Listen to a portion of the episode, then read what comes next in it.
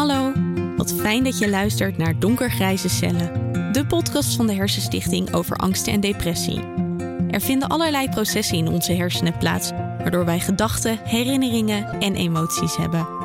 Soms zijn die prettig en licht, maar ze kunnen ook zwaar en donkergrijs zijn. Ik ben Annemiek en als trotse ambassadeur van de Hersenstichting ga ik in iedere aflevering met iemand in gesprek die ons iets kan vertellen over angsten en depressies. Hoe het voelt bijvoorbeeld. Of hoe die processen in je brein precies werken. Vandaag zit ik tegenover Karin. Hoi Karin. Hallo. Hoi. Hoi. Zou je jezelf kunnen voorstellen? Wie zit er tegenover mij? Ja, ik eh, ben Karen Uiterwillige. Ik woon in Bossenhoofd. Ik woon hier sinds anderhalf jaar, denk ik. In oktober twee jaar. En dit is, ik ben verhuisd vanuit Roosendaal naar Bossenhoofd. Omdat het gewoon... In Roosendaal was een drukke stad. Nou, nadat ik de hersenoperatie heb gehad, was dat voor mij eh, te druk. Ik wil al heel lang weg. En nu zit ik tussen de oudere mensen. Nou, echt werkelijk waar. Het is zo rust. Het is zo fijn wonen daar zo. Gewoon alleen de rust, alleen al voor mezelf. Wat fijn dat je een plek hebt gevonden waar je je prettig voelt. Dat is Ja. heel belangrijk. Ja. ja, je zei net al iets over een hersenoperatie. Maar eerst zou ik willen vragen, wat betekenen jouw hersenen voor jou? Mijn hersenen betekenen voor mij. Ik heb er veel over geleerd, over mijn eigen hersenen. Ik wist nooit hoe ik in elkaar zat. Ik wist dat ik toen ik klein was iets had. Dat ik niet klopte, dat ik niet in orde was. Ik dacht altijd dat ik gek was. Dat was, werd vroeger ook vaak gezegd, nu niet meer. Door wie? Heel vaak op school. Ik werd heel vaak gepest op school daar ook, omdat ik niet mee kon op school. Ik was heel teruggetrokken, door de angsten ook. Ik werd eh, iedere dag om 12 uur van school bijna gehaald, van de basisschool. Omdat ik gewoon niet mee kon op school. Sowieso qua eh, leerstof. En daaruit kreeg ik weer angst. Maar die angst is ook wel ontstaan door de NHH. En wat is NHH?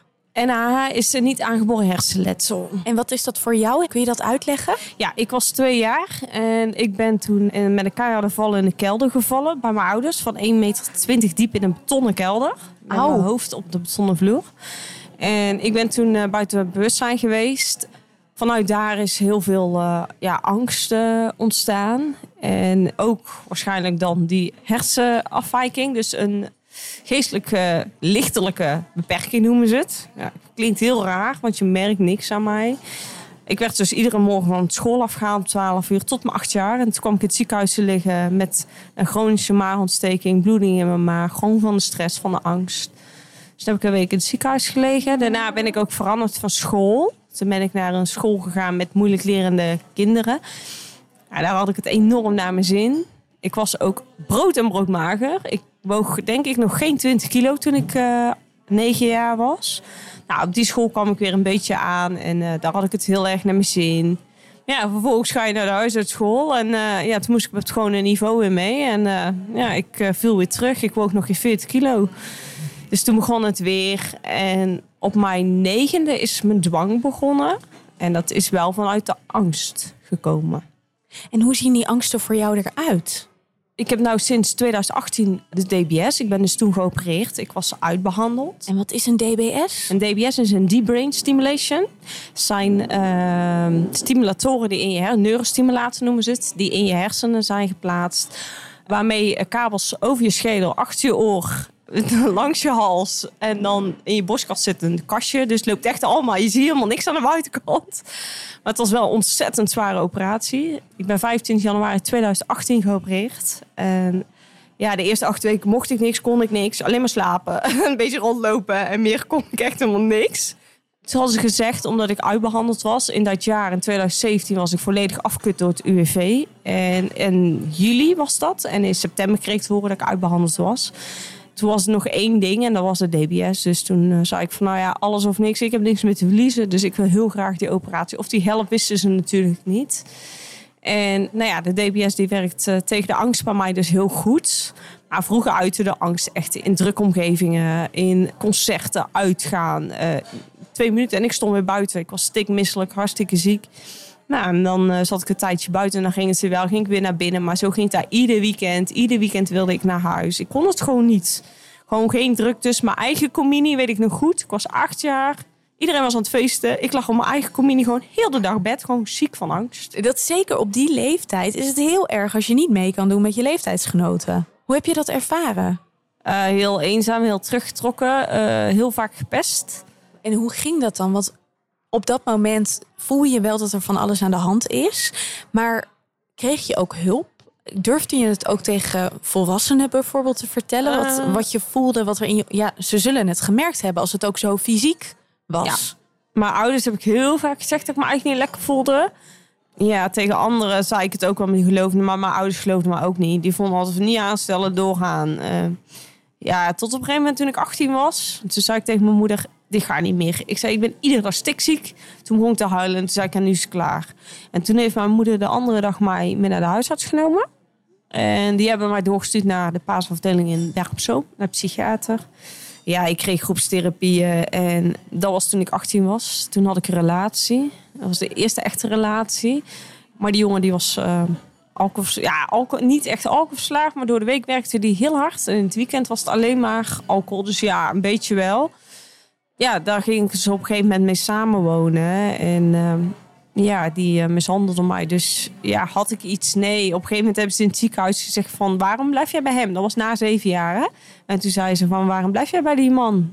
Ja, toen was, ik was heel bang.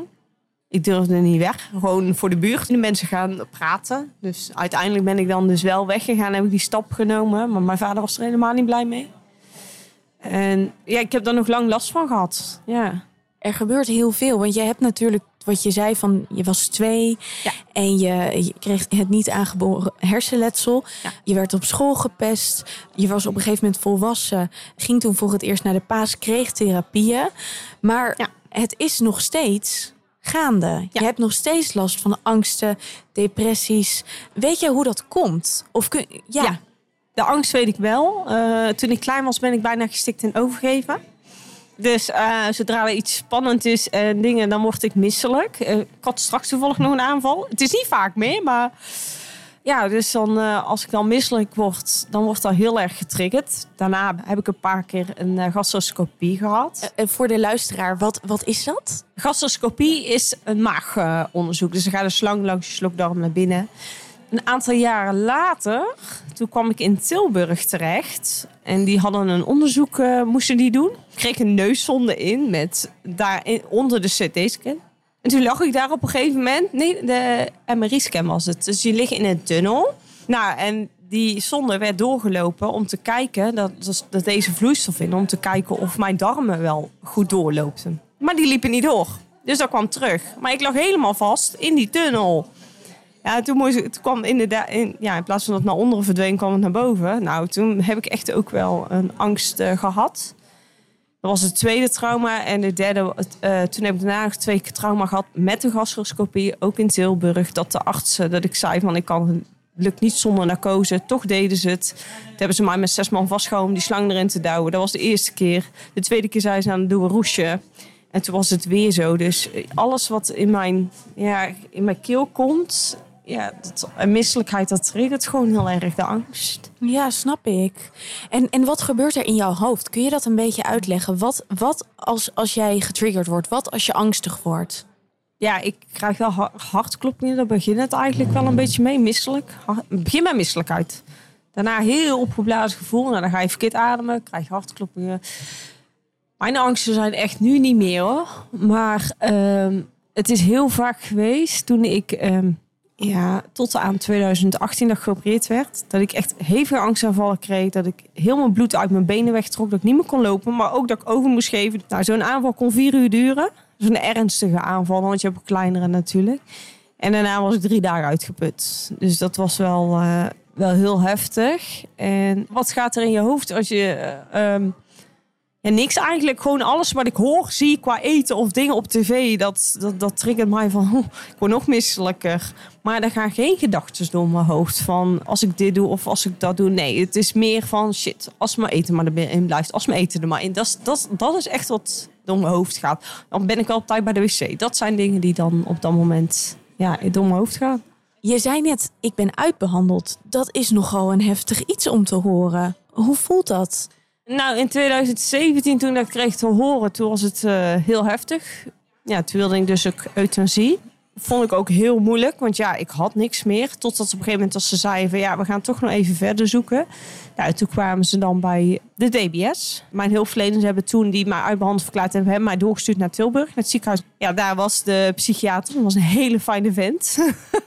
ik kwam daar, hij zei, heb je de citro? Ja, een of andere anti... Uh, Escitalopram misschien. Volgens mij wel. Ja, of citalopram, die Ja, staat ook. Die ja. moest je geslikt hebben en je moest elektrotherapie hebben gehad. Hij zei, en dan heb je alles gehad. Ik zei, ja, elektrotherapie heb ik niet gehad. Hij zei, maakt niet uit. Hij zei, ik denk ook niet dat ze nog gaan helpen. Hij zei, als je die medicijnen neemt, want dat is wel echt protocol voor de operatie, dan vind ik het prima. Dus dat hebben we gedaan en toen hebben we gelijk afspraak gemaakt.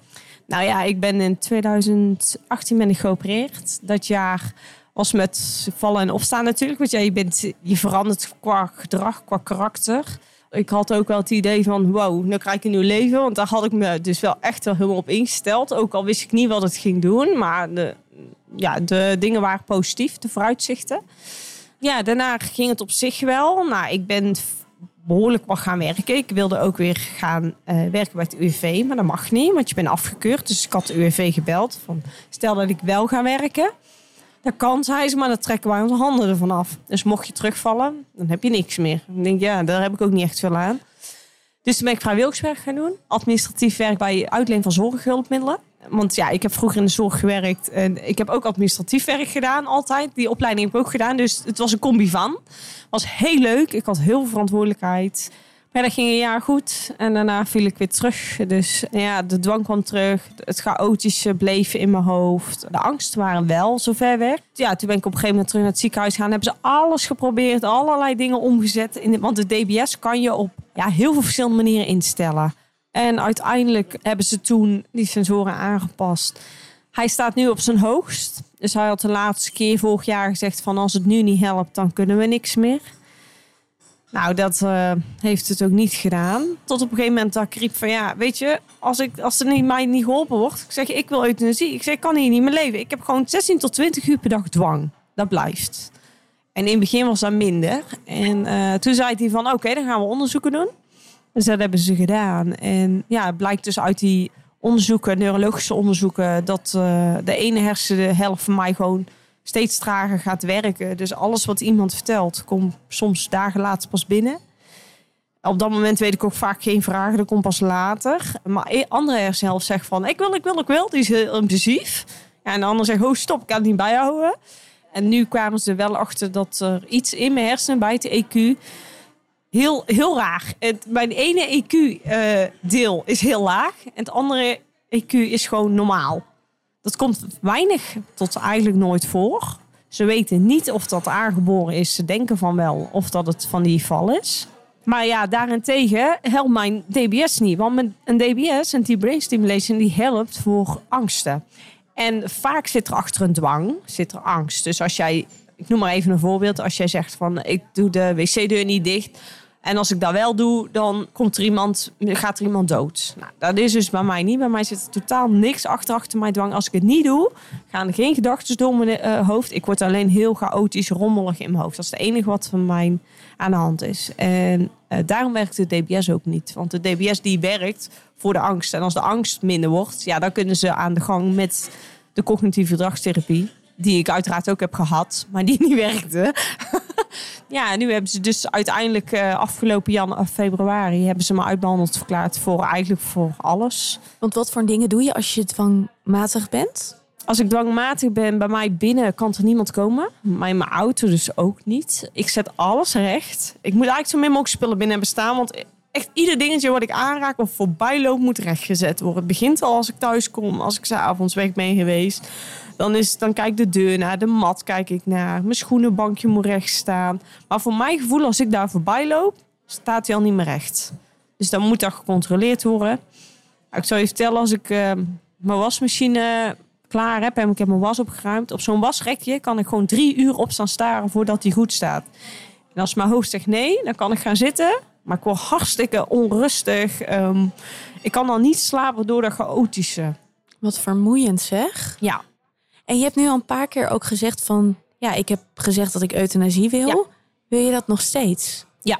En ben je daar ook voor in een traject bij de levenseindekliniek bijvoorbeeld? Nou, ik ben dus bij mijn huisarts geweest, maar ja, die willen allemaal niet, omdat Tilburg geen akkoord geeft, kunnen ze niks doorzetten. Dus ei- uiteindelijk zeggen ze gewoon nee, want het kan meer dan een jaar duren. Dus ik heb ook gezegd van, weet je, ik zie wel hoe het gaat. En ik merk wel, ja, als ik s'nachts een keer bezig ben, dat ik denk van, ik wil gewoon niet meer. Dan, dan zou ik het liefst weg willen rennen. Ik weet dus ook niet of dat gaat gebeuren. Hè? Ik, ik sta niet in voor mezelf, zal ik het zo zeggen. Ik merk wel dat het steeds moeilijker wordt. En ja, dan denk ik, ik kan euthanasie eh dingen, maar dan moet ik een jaar wachten. Dan heb ik wel de afscheid eh, die ik dan wil. Maar aan de andere kant denk ik, dat geregeld, dat is veel te veel. dat kan ik ook niet. Want je moet zoveel vast laten leggen, moet zoveel geregeld worden. Ik kan me voorstellen dat dat echt soms een gevoel van wanhoop teweeg brengt. Ja. ja. Ja. Want hoe sta jij daar nu in als je naar de toekomst kijkt? Niet. Heb jij iets waarmee je voor je hersenen kan zorgen? Heb je een bepaalde houvast? Mijn dwang is op het moment nog maar hou vast. Ja. Maar ja, dan kost, het kost wel 15 uur per dag. En dan op een gegeven moment ja, ben je gewoon moe. Ik lig vaak gewoon vier, vijf uur 's morgens op bed. Nou, vanmorgen was ik er dan om eh, acht uur weer uit. En daardoor kan je ook minder andere dingen doen. Je, kunt, je komt niet tot, tot dingen toe. Daarom ben ik ook gestopt met mijn vrijwilligerswerk. Want het ging gewoon niet meer. Ik, ja, in het begin ging het goed. Dan kon ik nog op tijd komen. Maar omdat ik zo laat hier op bed lag. En zoveel dingen thu- thuis te doen. Alles bleef liggen en alles. Ja, en dan kon... Kijk, voor iemand die normaal is. Die geen dwang heeft. Die ruimt tussendoor alles op. Maar bij mij kost bijvoorbeeld een eh, koken. Kost vier, vijf uur. De laatste keer dat ik met mijn badkamer dat ik gedoucht heb thuis. Doe ik dus ook al niet meer thuis. Dat doe ik bij mijn ouders of bij mijn vriendin. Of op de sportschool. Dat heeft gewoon 13 uur gekost. 13 à 14 uur ben ik daar aan bezig geweest. Ja, die energie heb ik niet. Voel jij je heel anders? Jij zei van, want als je normaal bent, voel jij je abnormaal? Ja. en hoe voelt dat? Ja, verdrietig. Ja. Ja, Eenzaam. ja, dat snap ik wel. Ja. Ja, en ook wel voor een deel herkenbaar Ja. voor mij. Ja, dat blijft gewoon in deze maatschappij dat, dat, dat er echt wel een bepaalde norm is waar je aan moet voldoen. En als je afwijkt, dan heb je het al moeilijk met jezelf, maar de maatschappij maakt het niet makkelijker. Nee, niet echt, nee. nee. Nee. En vooral ook mensen die dan ja, echt gewoon misbruik, gebruik van je maken. Op wat voor manier? Ik noem even een voorbeeld. Twee jaar geleden of anderhalf jaar geleden met mijn auto. Dan ga je naar de garage en dan, zeg je... ik heb mijn auto toen nieuws gekocht bij de Kia. En dan ga je daar naartoe. Dan laat je me een beurt geven. En dan eh, zeg ik, s'morgens kom binnen, ik heb zoveel geld. En s'avonds hebben ze het dubbele gerekend. En ik ga daar gewoon met mijn stomme kop mee akkoord. Gewoon omdat ik dat niet door heb. Tot op een gegeven moment dat ik thuis kom. En mijn vader zegt, ja, maar je- jouw banden waren toch helemaal niet nodig? Ik zei, nee. Ik zei, dat heb ik ook gezegd. Maar hun vonden van wel. Dus ja, dan ga ik er maar mee akkoord. Wat zou jij in eerste instantie de mensen die het herkennen mee willen geven? Ja, dat is een goeie. Proberen ja, hulp te zoeken. Maar ja, zoals ik al heel veel hulp heb gezocht. Wat niet helpt. Maar ja, ik vecht wel iedere dag nog steeds door. Ja, We hopen natuurlijk dat de Hersenstichting, Ja. voor wie we deze podcast Nou, maken, ja. toch verder kunnen gaan met onderzoek, zodat ze op een gegeven moment bijvoorbeeld de, de deep eh, brain stimulation nog zo kunnen aanpassen dat er wel weer ja. mogelijkheden zijn of dat er nieuwe manieren gecreëerd wordt om ermee om te gaan, toch? Ik denk dat wij in Nederland nog veel te weinig van de hersenen weten. Ik weet niet hoe het in Amerika of in eh, hoe, hoe hun daarmee omgaan. Daar heb ik ook wel eens aan gedacht. Van zou hun verder zijn? Maar die ja, connecties heb ik ook niet. Dus dan ga je daar ook niet zo snel eh, achteraan. Maar ja, ik hoop wel. En ja, probeer niet eenzaam te zijn. Probeer mensen om je heen te hebben. Want bij mij kan er natuurlijk niemand binnen. Dus ik ben altijd alleen. Ik ga wel naar, naar mijn ouders en naar mijn vriendinnen en zo toe. Maar vervolgens, als je in een weekend niks hebt, dan ben je wel dagen alleen. Dan ben je dagen alleen maar met dwang bezig. En dat is echt heel eenzaam. Daarop aansluitend, stel eh, iemand luistert dit en die herkent het totaal niet. Iemand die, die, laten we zeggen, heeft gelukkig geen last van angst, dwang of depressie. Wat zou je diegene mee willen geven? Wat kan iemand voor jou bijvoorbeeld betekenen? Toon alsjeblieft begrip. Luister naar iemand. Respecteer iemand en laat iemand in zijn waarde. En als iemand hulp nodig heeft, geef die dan ook. Als iemand iets niet weet en die het vraagt, geef dan gewoon ook antwoorden. Loop niet weg of ga niet er tegenin. Want heel veel mensen gaan er tegenin ook vaak. En dan moet je juist niet doen, denk ik. Nee, het is al lastig genoeg. En als je zelf zou weten hoe je het moet oplossen, dan uh, had je het al lang gedaan, toch? Ja. Ja. Dan had ik het al lang gedaan, ja. We gaan naar de estafettevraag. Ja. Want ik heb een vraag voor jou van ja. uh, degene die uh, ik voor jou heb geïnterviewd. En dat is uh, Mike Baudet. Ik weet vrij zeker dat ik een lichaam heb. Althans, ik neem het voor het gemak even aan. Als dat niet zo blijkt te zijn na de dood, dan prima, dan merk ik het wel. En mijn vraag is: we moeten de eerste geest nog tegenkomen, want ik ben nog nooit een geest tegengekomen. En toch denkt iedereen dat de mens bestaat uit lichaam en geest. Wat is haar gedachte daarover? Denkt zij dat de geest bestaat? Het, voor mij is het twee aparte dingen. Je zou zeggen, het, het staat met elkaar verbonden. Want als je uh, geestelijk niet goed in je lichaam zit, zit je lichamelijk ook niet goed in je, lichaam, uh, in je vel.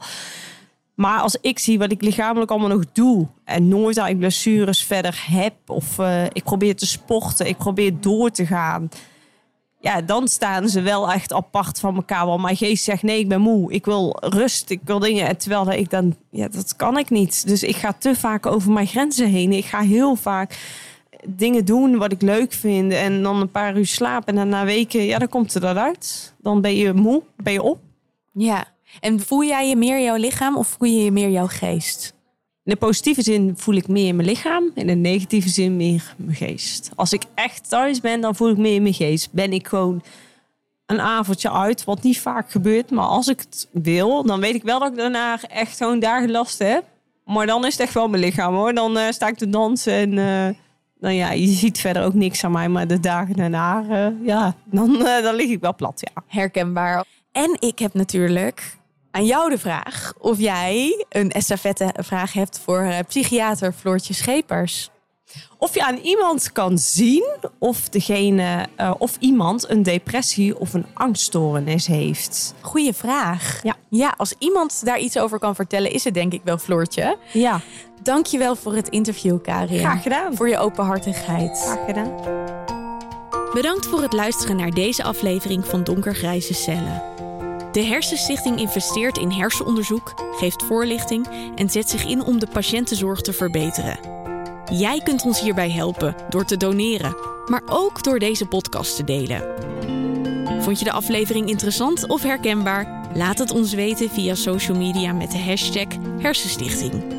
Wil je meer weten over depressie en angsten? Ga dan naar hersenstichting.nl/depressie.